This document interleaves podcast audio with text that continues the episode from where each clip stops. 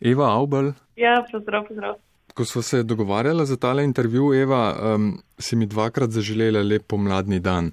To se je slišalo kot, um, da vi na severu mogoče pa še nimate lepih pomladnih dni. ja, to je res. Ja. Um, no, v bistvu se je tam, se je tudi pri nas pomladi začela, ampak to pomeni mogoče nekaj drugega, kar pomeni v Sloveniji ali pa druge bolj na jugu. Mi smo imeli letos tako hudo zimo, da je tudi morje zmrzalo, tako da zdaj imamo prve pomladne znake, da se je morje končno stopilo. Temperature so pa tam neki nadničilo. Ja. Mogoče poveva, kje točno si? Ja, jaz eh, živim in delam v Stavangarju. To je mesto na zahodnji obali, na jugu Norveške, približno na tej geografski višini, kot je Oslo. Je, je to kar toplejši del države. No, Tropska Norveška. Ja, to, ja, tako je. Kot zanimivost, ko smo se eh, pogovarjali prvič, si rekla, da poznaš oddajo Globalna vas in da si si najbolj mogoče zapomnila pogovor s slovencem, ki tudi živi na Norveškem, ampak na drugem koncu uh, države, čisto na severu in je ribič. Ja, joj, o tem jaz smo sanjarem, ja, da bi ga šla obiskat. Eh, doskrat po internetu poslušam te oddaje, ker mi je zanimivo poslušati ostalih slovencih v tujini. No, in enkrat je bil en ta slovenc, ki v resnici ni sploh iz obale, ampak je iz notranjosti in je spoznal neko norvežanko. In pa so se kar odločili, da greste nazaj živeti tja, iz kjer ona prihaja. To je pa čistis na severu Norveške nad polarnim krogom, tako da imajo po zimi res 24 eh, ur na dan temo in on se je v bistvu tam navadil biti ribič, no? tako da zdaj lovi ribe in se mi zdi, da je taka posrečena življenjska zgodba. Tako da zdaj, ko sem na Norveškem, malo razmišljam, če bi šla kaj obiskat, pa če bi me pel ok na, na ribičijo. Dobro, Stavanger na zahodnji obali Norveške, kaj tam delaš? Hmm, jaz sem po izobrazi kemijska inženirka, um, potem pa sem po študiju na Ljubljanski univerzi končala še študij na škotskem kot specializacija, mislim, da se ne vem, kako je to po slovensko. Po angliško se reče reservoir engineer, to je v bistvu specializacija za naftno industrijo. Tako da sem potem po končanem študiju dobila zaposlitev za eno nemško firmo, ki pa je prisotna pravzaprav vse povsod. Tako da sem začela delati v Nemčiji, v razvoju sem začela delati, pa sem šla na, delati na jug Nemčije, v, na naftna polja, ki jih imajo tam. Pa sem začela delati za Libijo, ampak zaradi varnostne situacije pač načeloma inženirji delajo tam, kjer pač se črpa nafta, ampak zaradi varnostne situacije od začetka vojne pač v Libijo ne pošljajo nikogar. Tako da se tam sem v Libici, tam sem pa del, zato sem delala eno leto, zdaj sem pa že dve leti na Norveškem in se v bistvu ukvarjam ja, v bistvu z načrtovanjem naftnih in plinskih vrtin, potem pač delam načrte in simulacije, kako bomo mi to črpali, um, kakšne kapacitete rabimo, kakšne plinovode rabimo in tako naprej. Mhm. Nisi pa kje na kakšni ploščadi v Severnem morju, da bi delala tam? Ali celo, ne vem, ne, vrtala ne, morsko dno? ne, ne, tu, uh, tu načeloma delajo tehniki. Uh, inženirji smo večinoma po pisarnah, za računalnike delamo od doma. Ja. Bila pa si že verjetno na naftnih ploščadih, pa pogledala, kako to v živo zgleda. Ne, ni, nisem bila še nikoli. Ne. Veseljem, v bistvu sem bila na teh, uh, na naftnih ploščadih nisem bila, sem bila na teh v Nemčiji, smo bili na terenu, kako se reče, prvatinah. No. Uh, Um, na Norveškem pa nisem še bila, zato ker je kar varnostne omejitve, so kdo sme, treba je narediti tečaj. Če se zgodi, da je helikopter padel v vodo, se pač greš v bazen delati tečaj, kako se rešiš ven iz potapljajočega helikoptera. Tako da tega jaz nimam narejenega, tako da nisem, nisem bila že vabljena na ploščak. Zanimivo mi je, ker Norvežane tako dojemamo kot, ali pa Norveško kot eno najbolj zelenih držav na svetu, ob tem je seveda naftna industrija, to tudi vemo, ne, um, sila pomemben del njihovega BDP-ja, pa tudi uh, njihove blaginje nasploh. Kako pa običajni Norvežani gledajo na naftno industrijo?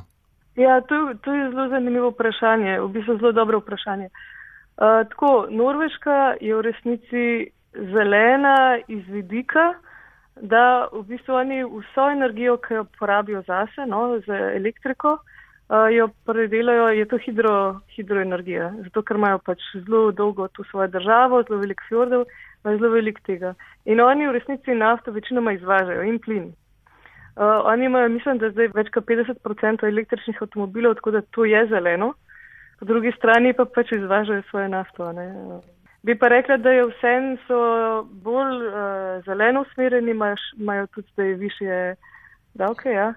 Tako da to se počasi spreminja. Je pa res velika razlika, bi rekla, med starejšo generacijo, recimo zdaj ljudi srednjih let, pa tudi recimo nami, pa še mlajša generacija, kot je naprimer Greta Thunberg ta leta. Te mlajši so pa še bolj proti naftni industriji uh, in je v bistvu razkorak tak, da v bistvu niti noče študirati več.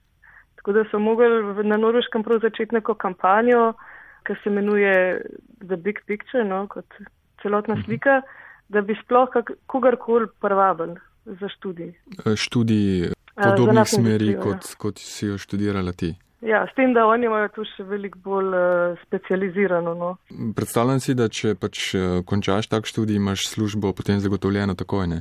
Je zelo odvisno od leta, bom tako rekla. No. Takrat, ko sem jaz končala, uh, jaz, ko sem končala v Sloveniji, je bila ta 2008 kriza ekonomska, pol, ko sem končala pa magisterija, je bila pa naftna kriza, ker je cena nafta padla proti 50 dolarjev na soček, tako da takrat iz naše generacije smo samo trije dobili službo v resnici v naftni industriji, ostali pa ne, mislim, da so kar drugi.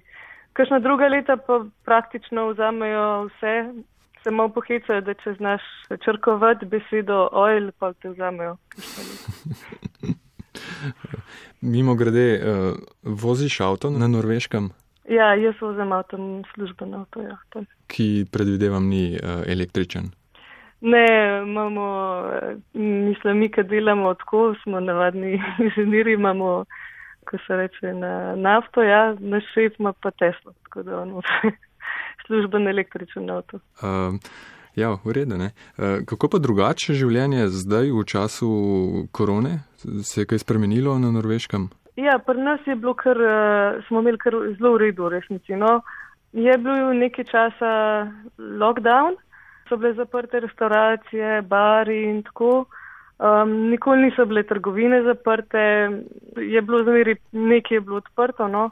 En teden se spomnim, da je bilo res mesto duhov, ki si hodil okol. Ni pa nikoli bila obvezna maska, kaj, tako da bi rabili tudi trgovino iz masko. Zdaj so pa odprli prejšnji teden, so odprli bare, oziroma restauracije so odprli, barov pa ne. Bari pa še niso odprti. Eva Aubel, Stavanger, Norveška, verjetno ga slovenci ali pa more biti ga slovenci poznajo, poznamo po rokometu. Ja, jaz mislim, da je zelo pomemben. Ja. Jaz imam enega sodelavca, ki je driller, no, to je ta, ki dela vrtine.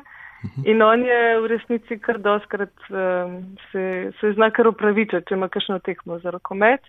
In tudi poznajo Slovenijo po rokometu, no, po zimskih športih, tudi po skakalcih, poznajo Elan.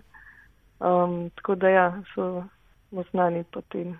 Ja, rokomet pa tudi, ja.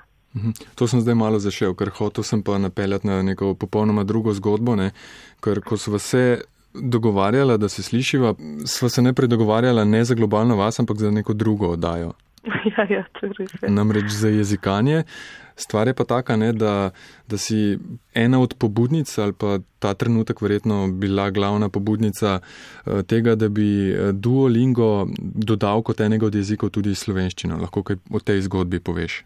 Mhm. No, jaz sem se to odločila bolj iz enih osebnih razlogov. Um, moj fant je Nemc uh, in jaz znam malo nemško, on bi se pa tudi rad naučil slovensko. In je to v resnici kar nekako težko narediti, če ne živiš v Sloveniji. On si je kupil neke knjige, ampak v resnici jaz sem delala ta Duolingo, so se kar dosti naučila in pa sem videla, da bi bilo fajn, če bi bilo to tudi za slovenščino. No, pol je pa v bistvu bilo to malo teže, ker sem mislila, jaz sem oddala prijavo za to, da se javim kot prostovoljka na neko spletno stran od Duolinga, uh, imenuje se Duolingo inkubator.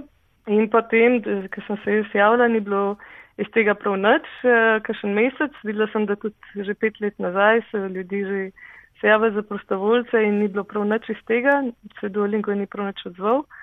No, potem pa sem preko društva v tujini izobraženih slovencev ali na kratko vtis, potem pač malo okoli vprašala, če bi bil še kdo pripravljen sodelovati uh, in na srečo je tudi nekdo, ki dela za Duolingo slovenc, se javil, da v bistvu predstav ta projekt noter. Mi smo potem zbrali prostovoljce skupaj z tremi v bistvu člani vtisa in smo zbrali 600 prostovoljcev.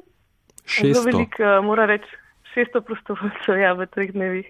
Hm. Mm, smo imeli kar dober odziv, ker smo imeli dober, dobro podporo iz dost ljudi, posameznikov, ampak tudi uradnih inštitucij. To so delili na veleposlaništvu v Španiji, v Veliki Britaniji, urad uh, za slovence v tujini, v zamestvu in po svetu. Tako da smo dobili zelo veliko prostovoljcev in potem ja, je to šlo čist na Duolingu.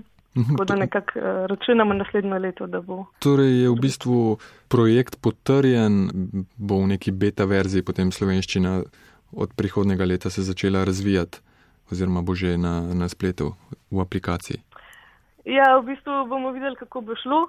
Mi moramo najprej podpisati ta memorandum of understanding. Uh, računamo, da bi enkrat potem jeseni skupaj s prostovoljci začeli ustvarjati ta prvi tečaj, se pravi beta verzijo. In to bi bil tečaj, ki je namenjen tujcem, uh, se pravi angliško govorečim tujcem, ki bi se radi naučili slovensko. Potem, kasneje bi pa radi še obratno, tudi mogoče za slovence, ki bi se radi naučili angliško in tako. Zdaj, ta prva verzija naj bi bila narejena približno čez eno leto. Zdaj, to je tako verjetno malo čez prst pogledan. Optimistično je. Ja. ja. ja, tako je. Kaj pa, kako pa prideš skozi samo z dovolj veliko podporo, ker predstavljam si, da je konkurenca jezikov, ki bi hoteli priti na tako platformo globalno, se pravi, da bi dodali njihov jezik konkretna, ne? Mm. Ja, je, je zelo, zelo težko je ugotoviti njihove notranje procese, ker če malo pogledaš potem Duolingo, vidiš, da imajo tudi kakšne jezike, ki so manjši kot slovenščina. En je recimo dodan zato, ker je ta direktor od Duolinga izhaja iz nekega dela države, kjer imajo ta manjšinski jezik, ki so ga potem dodali. Pol je dodan tudi recimo Klingon, ki sploh ne obstaja. Ne? Ja. Kada včasih imaš malo take hecne odločitve, ti ni čist jasen. Večinoma sem delal te programe tudi z sedmimi prostovoljci, mi jih imamo šesto. Tako da tudi ni vse v številu. Jaz mislim, da je res največji doprinos bil, poleg tega, da se je pokazalo velik, velik interes javnosti v tako kratkem času, uh, tudi to, da pač je nekdo v Duolingu, ne, ki je uspel to uživo povedati. Ne. Kaj pa tvoja vloga potem še uh, obstaja, ko recimo se to začne razvijati ali si ti večinski svoj del naredila, pa potem to jezikoslovci, ki se uh mhm. -huh. bolj ukvarjajo z jezikom, to naprej uh, peljejo. Uh mhm. -huh. Ja, v resnici, v resnici gre za prostovoljce, seveda za te ljudi, ki bojo um, določali, katere tematike ne bi obsegal tečaj. Jaz bi, bi bilo verjetno najbolj, da bi bili neki jezikoslovci ali prevajalci, ker pač jaz nimam izobrazbe za to. Um, znam pa za to angliško, pa verjetno bi lahko pogledala prevode. Um, verjetno tudi za kakšno Duolingo tudi um, snema, ti vedno slišiš tudi uh, izgovorjavo nekega stavka. Tako da, tako da bom, bom zraven, nas je pa tukaj velik, da verjetno, če se uspemo lepo porazdeliti, da bo zelo mal delano, tako na eno osebo. Ja, jaz si predstavljam, da bojo oni že narejeno nek, neko formo, kako to poteka. Zdaj pa vsak jezik ima neko specifiko. Jaz upam, da te naše dvojine, da ne bo preveč težko uh, implementirati ampak eh, seveda mora biti zraven. Ja. Ampak eh, si predstavljam, da bo to na Duolingu oni sami nam povedali, kako naj bi projekt stekel. Uh, seveda pa pač rabimo tudi podporo jezikoslovcev in rokovnjakov. Dvojina bi znala biti pravi hit, po mojem.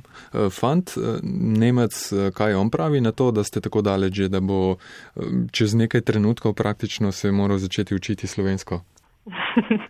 Um, bom tako rekla, njemu ni ta grace period. No. On, on se že zdaj uči slovensko, je že zdaj z njim govori slovensko. Tako da, tako da se mora že kar zdaj učiti eh, pred naslednjim marcem. Ja, dobro. Eva Obel, hvala, da si si vzela čas za globalno vas. Um, lepo zdrav na Norveško, pa upam, da se še kdaj slišimo. Ja, hvala, hvala tebi za klic, pa da sem imela priložnost predstaviti ta projekt. In, ja, Vse lepo in še enkrat eh, želim tebi in vsem v Sloveniji en lep pomladen dan.